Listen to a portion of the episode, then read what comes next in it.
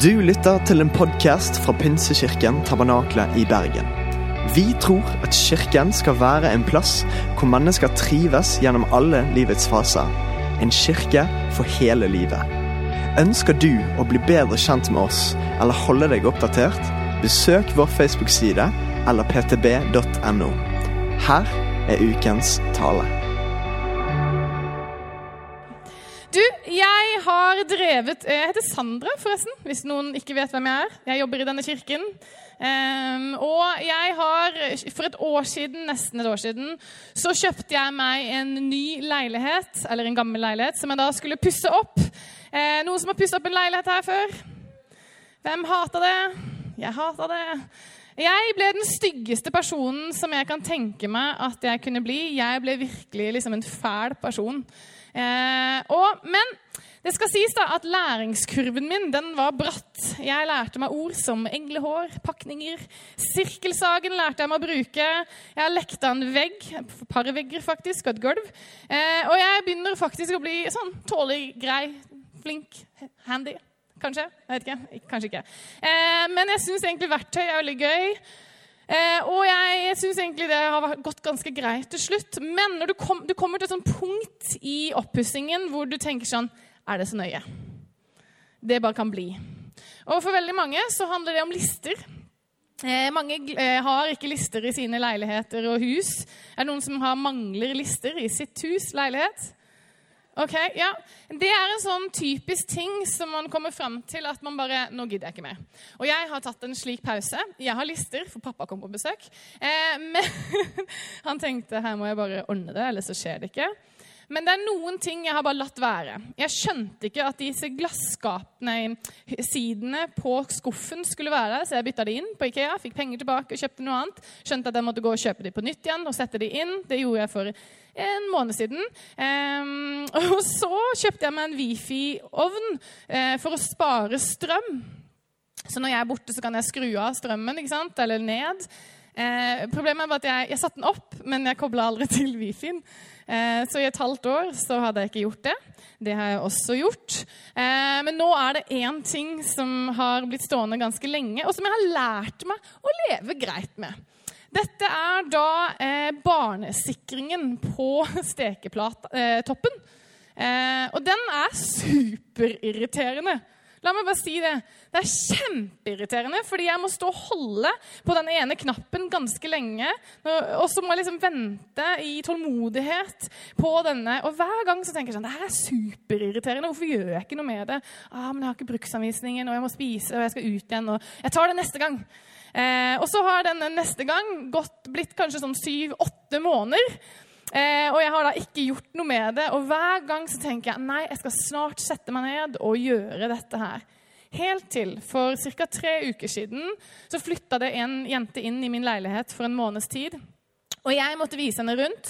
Eh, og da kom vi til dette krasjkurset i stekeplaten. Jeg skal introdusere deg til hvordan faktisk bruke stekeplaten. Og da tenkte jeg, etter jeg hadde lært av det Det her er jo for dumt. Er du ikke enig? Det er jo helt latterlig. Så jeg satte meg ned. Jeg fant ut av det. Det tok tre minutter å google det. Det tok fire sekunder å holde og gjøre disse riktige tingene. Og nå er det helt fantastisk. Det er helt nydelig. Og for en mestringsfølelse. Jeg er jo handy! Altså, det er så nydelig. Men tanken på å gjøre det, den var lang. Og den var slitsom. Og det var tungt. Og det krevde alt av meg. Og jeg tenkte jeg kommer aldri til å gjøre det, men nå står jeg her, og jeg har gjort det. Eh, og det har vært en applaus, altså. Det er det, men ikke gjør det. men det måtte faktisk Det var en veldig dårlig applaus, men det er greit. Eh, det er faktisk noen andre, det måtte noen andre til for at dette skulle bli gjort. Mari måtte flytte inn i leiligheten min for at dette skulle bli gjort. Jeg måtte bruke tid, og jeg måtte prioritere dette for at det skulle faktisk skje. Men når vi snakker om ting vi snakker om her i kirka, så er det sånn at Bibelen er et sånt tema. på en måte. Vi vet alle, nesten i hvert fall, at vi, det er viktig å lese Bibelen, at vi bør lese Bibelen. Og de fleste av oss eh, har egentlig tenkt å gjøre det. Det er bare det at De skal ikke gjøre det i dag, men de skal gjøre det neste uke, kanskje. Eh, men de færreste gjør det. Og det er litt sånn som med stekeplaten. Man blir vant til tanken om at ja, men jeg, jeg skal komme til det. Jeg skal gjøre det. Jeg, jeg, skal, jeg, har tenkt å lese Bibelen. Jeg har til og med lasta ned bibelappen. liksom. Jeg har til og med kjøpt en bibel. Jeg husker ikke helt hvor den er, men jeg har kjøpt den. Eh, jeg har snakka med noen om at vi skulle lese denne bibelen.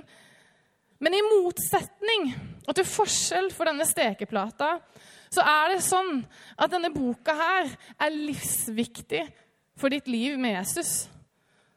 Så det her er faktisk ikke en sånn ting som du kan bare vente med å gjøre. Jeg beklager, nå ble jeg veldig tydelig, men det må til. Eh, ikke sant?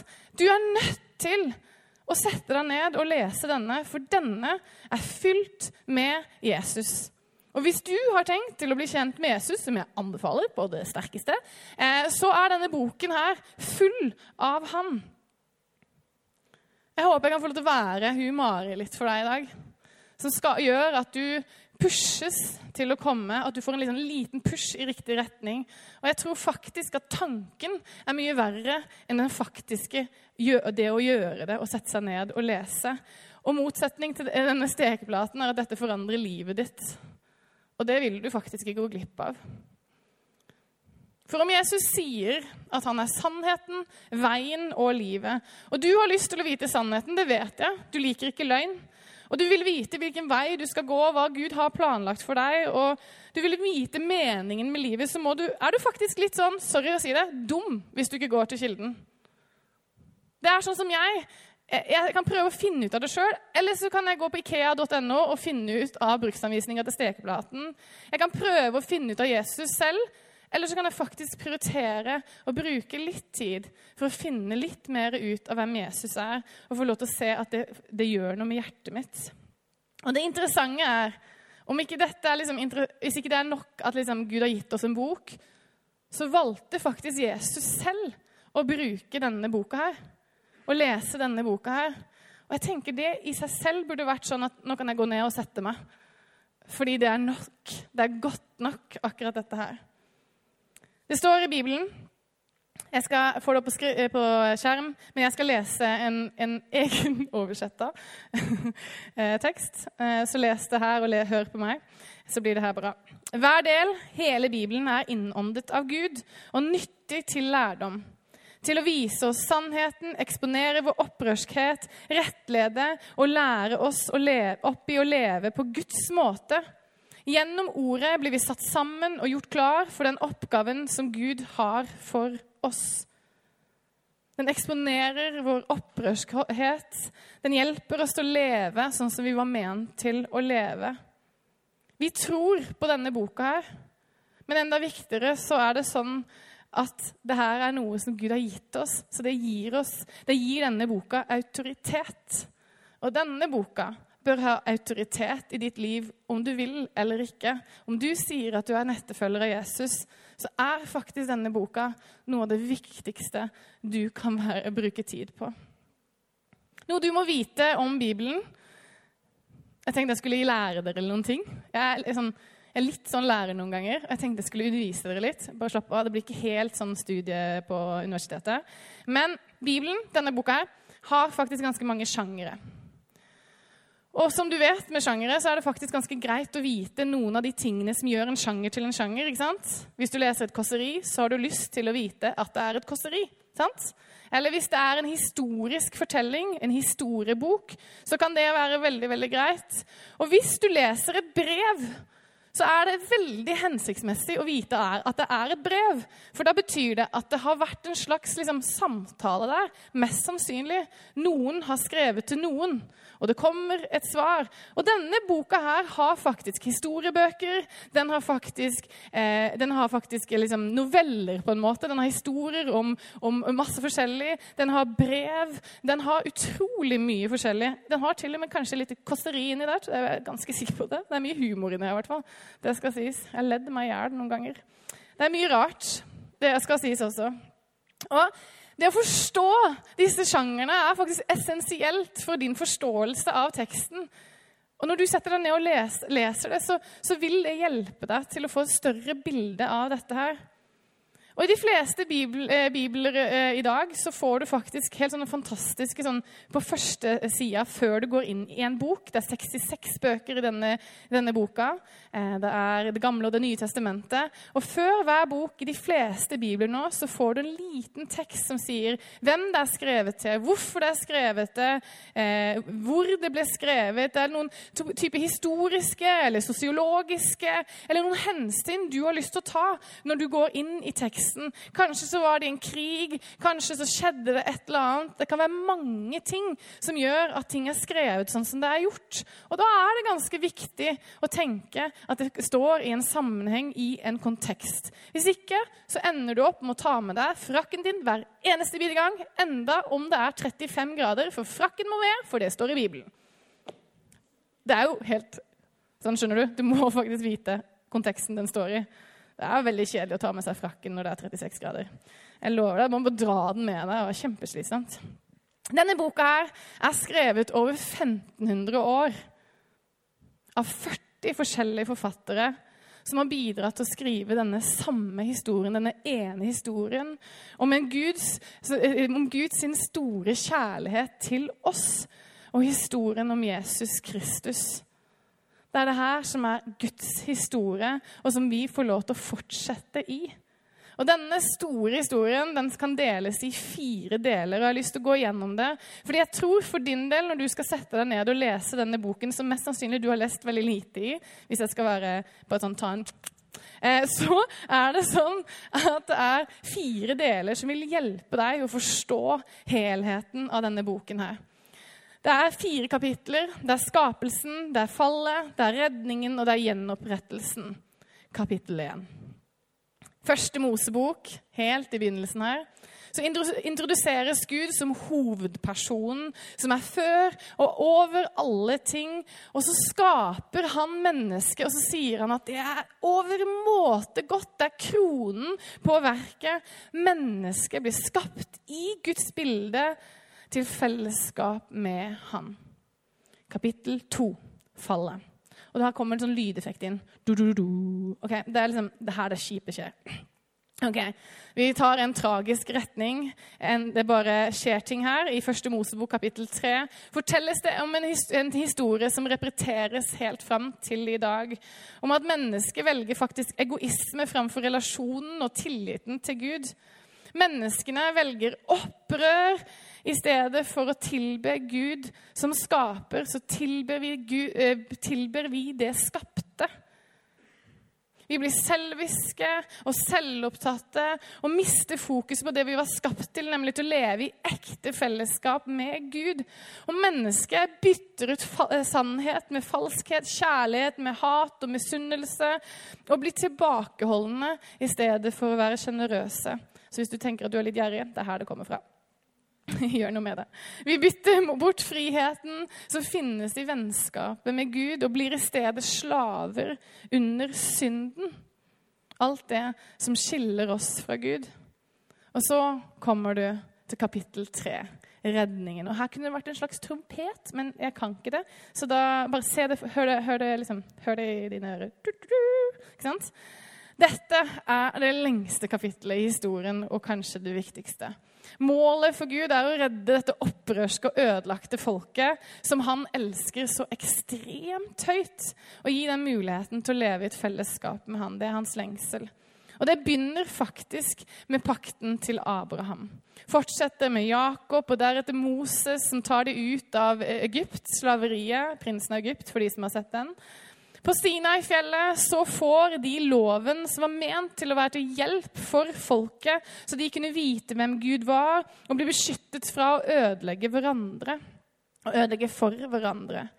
Men selv om denne loven er god, da, så ender det opp med at folk bare sånn vi vil ikke, og blir skikkelig opprørske. Og loven blir sett på noe som begrenser dem, istedenfor å skape frihet. Og Når de da kommer inn i det landet som Gud har lovd de etter sånn 40 år i ørkenen, som egentlig sier at de har gått veldig sakte eh, Den ørkenen er ikke så lang. eh, så er det sånn at de får noen dommere som skal hjelpe dem å leve etter det som Gud har eh, kalt dem til å leve i, og korrigere dem. Men folket de vil ha konge, for det har alle de andre, så de får konge. Eh, og disse kongene eh, vender seg vekk fra Gud og får, det blir liksom egoistisk og, og, og bare vender seg fra alt som har med Gud å gjøre. Så Gud må sende noen profeter for å kalle menneskene tilbake. Og hele veien, til tross for folkets troløshet, så er Gud ekstremt trofast. Han gir seg ikke. Helt i slutten av dette kapitlet så ser vi en av de største hendelsene i historien. Det er Jesu fødsel, og her begynner Det nye testamentet. En ung jomfru føder en sønn. Gud blir menneske, og Jesus blir født. Og han lever som et sant menneske og et perfekt forbilde på hvordan vi mennesker var ment til å leve, nemlig i et nært fellesskap med Gud, vår far. Jesus dør en forferdelig død, men på den tredje dagen så står han opp igjen, og han, har, han seirer over døden. Nydelig. Jesus er sann kjærlighet. Og Han kommer oss for å vise oss hva hensikten med våre liv var. At vi var ment til å være en relasjon med Skaperen og ikke tilbe det skapte. Jesus forklarer oss at Guds rike er allerede her men ikke ennå fullt opp, ut. Og så drar han opp til himmelen, rett opp til Jesus, nei, til Gud. Og så sier han, men vet du hva, jeg skal ikke la dere være igjen alene. Jeg skal gi dere en hjelper. Og så gir han oss Den hellige ånd, som skal hjelpe oss og vise oss veien og hjelpe oss til å leve i en sann relasjon med hverandre og med Gud først og fremst. Og Dette viser en Gud som elsker oss så ekstremt høyt. At han ikke gir oss opp, men han gir seg selv for oss. Og selv om vi fortjener døden, så tar han straffen på seg.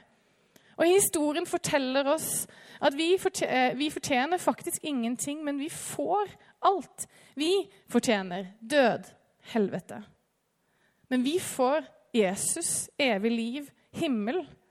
Vi får alt det som vi egentlig ikke har fortjent. Vi får kjærlighet, vi får nåde, uendelig med sjanser, frihet. Vi får være hans barn. Vi får bli mer og mer lik Gud. Og vi får kalle han far. Det er stort. Og så kommer vi til kapittel fire, gjenopprettelsen.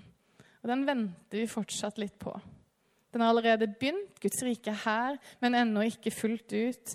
Og I dette avsluttende kapitlet, som kan staves med tre bokstaver H og P, håp, så fortelles det hvordan denne historien skal ende.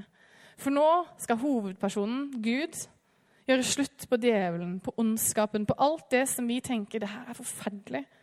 Og han gjenoppretter skapelsen til det som det var ment til å være. Og vi får en ny himmel og jord. Og i gjenopprettelsen så får skaperen og det skapte leve i en relasjon med hverandre. I frihet, fullstendig frihet, total tillit og i evig fred med hverandre. Bibelen er ikke bare for noen. Det er ikke sånn at Bibelen er for meg fordi jeg har studert Bibelen. Men det er faktisk for alle. Og ja, det er kompleks. Det er noen tekster inni her som jeg bare Jeg skjønner ingenting. Eh, og det tar faktisk ja, det er mange som er enige, det tar faktisk en livstid å finne ut av denne boka her. Det tar faktisk Jeg tror ikke vi kommer til å vite og skjønne alt før vi en dag står ansikt til ansikt med Han som har gitt oss denne boka her. Vi forstår stykkevis og delt. Men denne Bibelen er viktigere enn noensinne. Den hjelper meg å sette retning i livet mitt. For noen år siden så satt jeg på en seilbåt i Hellas. Eh, og Det høres veldig flott ut, men eh, vi var 17 slektninger en uke på to båter. Og det tenker jeg, det hadde blitt en reality-greie. Altså, Det tenker jeg kunne vært veldig interessant. Jeg gikk inn der med litt sånn Kommer dette til å gå bra? Eh, det gikk faktisk veldig bra. Eh, men en dag, eller første dagen så setter jeg meg på dekk, for det var jo ikke så veldig mange steder å gå. Eh, og da må du jo bare sette deg der du der det er plass. En båt er ganske liten. Jeg drar opp Bibelen og tenker jeg skal ha litt tid med Jesus. Og så hører jeg plutselig fetteren min rope fra andre sida. Hei, har ikke du lest den boka før? Jo, jeg har jo faktisk det. Jeg har jo faktisk lest denne her boka før. Men i motsetning til ganske mange dårlige bøker og filmer som du egentlig ikke trenger å se, og du kan gjerne sove litt inn i midten der, og du skjønner helt hva som skjer, så er denne boka faktisk levende. Jeg har lest den ganske mange ganger, men jeg ser fortsatt bare et glimt av hva den var ment til å være. Denne boka er full av ting som folk fortsatt etter tusenvis av år har undrer seg over, irriterer seg over. Jeg irriterer meg noen ganger, jeg blir overraska, jeg blir, jeg blir stressa, jeg blir glad, jeg blir fylt av fred. Den er, den er så enormt eh, Den provoserer så ekstremt mange. Og jeg skjønner ikke hvordan en bok kan skape så mye kaos. Folk er villige til å gi livet sitt for å få et glimt av denne boka. her. Det er ikke tull engang. Folk gir livet sitt for å få høre det Gud har å si. Det sier noe om kraften i denne boken. her. Det er ikke bare noen, noen sider, noen, noen ord. Er, det er noe i denne boka her som er ekstremt viktig. Bibelen er faktisk lys. Den viser deg den veien du skal gå. Den viser deg hvilke valg eller ting du skal Eller hvordan du skal ta hva du, liksom, hva du skal basere valgene dine på. Det gir deg et grunnlag for å basere valgene dine. Og lys er helt fantastisk. Det er, det er mer lys, det bedre, tenker jeg. Jeg slår på alle lysene når jeg kommer hjem. Jeg er en av de. Eh, og fasonger og farger blir mer synlige. Og det gir meg en ganske tydelig frihet å ikke snuble borti alt. Og det hjelper meg til å gjøre det jeg er ment å gjøre. Lys er nydelig. Og Bibelen er lys innover og utover. Det skaper noe i oss. Og jeg har vært mørkeredd mye i mitt liv. og jeg vet at det er en greie, men det er veldig sjelden. Jeg har ikke møtt noen ennå, men jeg venter på det. Jeg tror kanskje det finnes et par stykker i verden som er livredd for lys. Men det er ikke så veldig mange. Det er, det er virkelig ikke en greie. Og En av de tingene jeg kjente på når jeg satt og leste og forberedte meg til denne talen i, dag, i går, så, så, var det sånn at jeg opplevde at Gud minte meg på det at det er en sånn tanke om at troll sprekker i lyset. Og jeg tror at det finnes en del ting i oss og i våre tanker som har fått vokse seg store og bli noe de aldri var ment. Og det, egentlig så er det ikke ekte. Men så har de blitt større og større. Løgner, skam, frykt. Ting som har blitt så store i ditt liv. Men fordi du ikke har valgt å ta det ut i lyset og speile det i det her, så har det fått lov til å bli i livet ditt og bli en klump i magen en frykt om natta. Men sannhet setter fri. Lyset setter deg i frihet. Så når du åpner dette, så kan det godt gjøre litt vondt. Men det setter deg i frihet. Sannhet setter deg i frihet. Det er ikke komfortabelt, men det er viktig. Jeg velger sannheten framfor komfort. Jesus sa aldri at 'bli kristen, så skal du få et komfortabelt liv'. Det er ikke sånn 'bli kristen, så blir alt fint i livet'. Nei, Jesus er fin. Livet er ikke alltid fint. Sånn er det. Jeg velger Gud. Hvis Guds ord er lys Og det mer jeg kjenner Guds ord og hører hans stemme, så blir det faktisk mer lys i meg, og det blir lys rundt meg. Og lyset har en effekt. Det står i Isaiah 55, 11, Slik er mitt ord som går ut av min munn. Det vender ikke tomt tilbake til meg, men det gjør det jeg vil, og fullfører det jeg sender det til. Det betyr at om du ikke forstår det som står der, så kan det godt hende en dag som minner Den hellige, hellige ånd deg på et ord som står her, og plutselig så skjønte du hvorfor det sto der. Og plutselig så fikk du et ord til riktig person i riktig tid. Du aner faktisk ikke hva du er med når du leser dette, hva du kan få lov til å ta med deg inn i framtida di.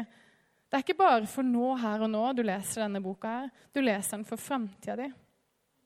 Og Den hellige ånd han viser deg større, det større bildet. Han viser deg mer av hva det handler om. Jeg satt på 18-trikken i Oslo på vei hjem fra skolen for noen år siden. Og foran meg så satt det en mann som hadde tatt med seg en sånn Ikea-blå pose sånn der, eh, som du egentlig skal ta med deg hver gang du drar tilbake til Ikea. Men så kjøper du en ny en, så du bruker den til alt mulig annet. Eh, skittentøy og litt sånne ting. Eh, og så er det sånn at han har da en stor pose med ca. roughly 20 par sko. Eh, som han begynner å dra opp og liksom line opp. liksom, og Der er de, og der er de, og der er de. Og jeg bare sånn, å, jeg elsker sko. ikke sant? Så jeg bare liksom følger skikkelig med. og bare sånn, Hva er det her for noe? Det er jo litt, det er litt rart. Men jeg tenker sånn, ja, for noe frihet. Så jeg bare ser på han. Og så plutselig så ser han at han liksom, uh, drar opp noe annet fra denne her bagen. Og så drar han opp en sånn svær brødkniv, og så begynner han å veive rundt seg med denne brødkniven. Og jeg bare What the heck, hva gjør jeg nå? Og jeg bare tenker sånn, Han kan jo skade noen, så det jeg gjør, er bare sånn, uten å tenke meg uh, liksom, om, at jeg bare tar liksom, og løper på han og kaster meg over han og drar ut kniven. Nei, jeg gjør jo ikke sånt! Det er jo idiotisk å gjøre det. Dere bare 'Gjorde du det?' Nei! Er du gal? Jeg er ikke dum. Jeg løper andre veien. Jeg bare tar den andre vogna. Jeg går ut. Altså, Når du har en kniv i hånda di, så går ikke jeg nærmere. Da går jeg andre veien. Jeg har ikke vært i krig, men såpass vet jeg. Har du et sverd? Har du en kniv? Har du en pistol? Jeg går ut andre veien. Så står det det Du er, du er, enig. Det er så bra. Takk for, den, eh, takk for at du er med. I Efesene 6,11 så står det dette her. Ta derfor på den 13 faktisk. Ta derfor på Guds fulle rustning, så dere kan gjøre motstand på den onde dag og bli stående etter å ha overvunnet alt. Hør her. Stå da fast. Spenn sannhetens belte rundt livet og kle dere i rettferdighetens brynje. Stå klar med fredens evangelium som sko på føttene du skal stå på fred. Hold alltid troens skjold høyt. Med det kan dere slukke alle den onde, ondes brennende piler. Og det er det faktisk en del av. Ikke tro at det ikke skjer. De løgntankene, de tankene, de situasjonene hvor du bare Hva er det her for noe? Den onde har lyst til å gi deg masse kjipe greier. Men så har Jesus sagt I got you covered. Jeg har gitt deg noe som kan hjelpe deg. Ta imot frelsens hjelm, som beskytter setter tankene dine, hjernen din, hodet ditt. Ta imot det, sett det på hodet. Og åndens sverd, som er Guds ord. Det står i messageoversettelsen Guds ord er et uunnværlig våpen. Du må faktisk ikke lære deg å fekte, men du trenger å løfte opp det sverdet. Du trenger å vite hva som står der. For når det blir kjipt, så trenger du, akkurat sånn som Jesus gjorde, si 'Det står skrevet'. Du er ikke bra. Vet du hva? Jesus elsker deg. Han døde på det. For så høyt har Gud elsket verden at han ga sin sønn den eneste. Du vet at det står her. Og når du får masse tanker som ikke stemmer, som så du begynner å frykte, så står det en hel haug med tekster inni her som sier 'frykt ikke'. Og Da kan du si sånn som Jesus gjorde. Men du vet hva det står skrevet? Ja, jeg føler dette. Ja, dette skjer rundt meg. Men vet du hva det står skrevet i denne boken? Og hvis Jesus sier det, og hvis Jesus gjør det, så bør det være godt nok for oss. Det er faktisk veldig bra. For Guds ord er levende og virkekraftigere, virkekraftig og skarpere enn noe tveegga sverd. Det trenger igjennom til det kløver sjel og ånd, marg og bein og dømmer hjertets tanker og planer. Og når du begynner å lure deg til å tenke at jeg har funnet ut hvordan ting skal være, så må du speile deg i sannheten. Og så må du la lyset få lyse opp livet ditt, og så må du la noen av disse trollene få lov til å sprekke. Og så skal du få kjenne at du kan få lov til å gå i frihet og leve det livet du var kalt til å leve. Dere kan få lov til å reise dere opp.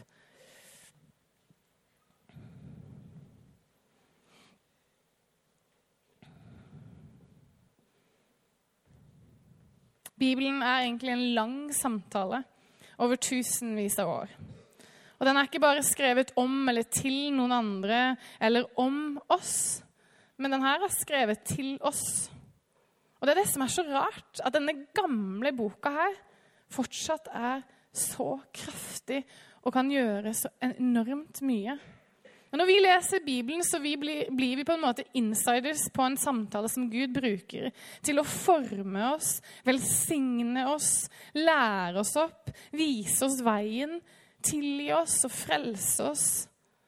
Og Bibelen inviterer deg til å bli kjent med Gud, hvordan han snakker til deg, og hvordan han handler. Det å leve et liv uten å lese denne Bibelen som kristen er det dummeste du kan gjøre. Jeg hadde lyst til å si det litt penere, men eh, jeg kan ikke si det, for det er ikke sant. Det er det dummeste du kan gjøre. For du går glipp av dette som er fullt av Jesus. Jesus har lyst til å bli kjent med deg. og Han har gitt deg noen verktøy. Han har gitt denne boka her. Og har du lyst til å bli kjent med Jesus? Det tror jeg faktisk du har skikkelig lyst til. Så står det så mye her om hvem han er. Og mer enn det Det her er faktisk fra Gud til oss. Og det er godt nok. Som kristen etterfølger så tror vi på Bibelen. Og det er her vi bygger troen vår på. Og vi innretter livene våre etter denne boka.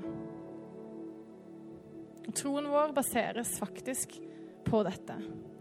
Bibelen, Den hellige ånd, den viser deg hva egentlig Gud har lyst til å si. Han viser og lyser opp denne teksten her. Og så er det en kirkehistorie med mennesker som har gått foran, gått bak oss og har vist oss en vei. Og så er det et fellesskap her som har lyst til å, å søke enda dypere. Og sammen til den dagen vi står ansikt for ansikt med Jesus, så kommer noe til å være mysterier. Men så kommer vi til å komme til himmelen. Og så står vi der en dag og så bare sånn ah, Det var det det var, ja. Nå skjønner jeg.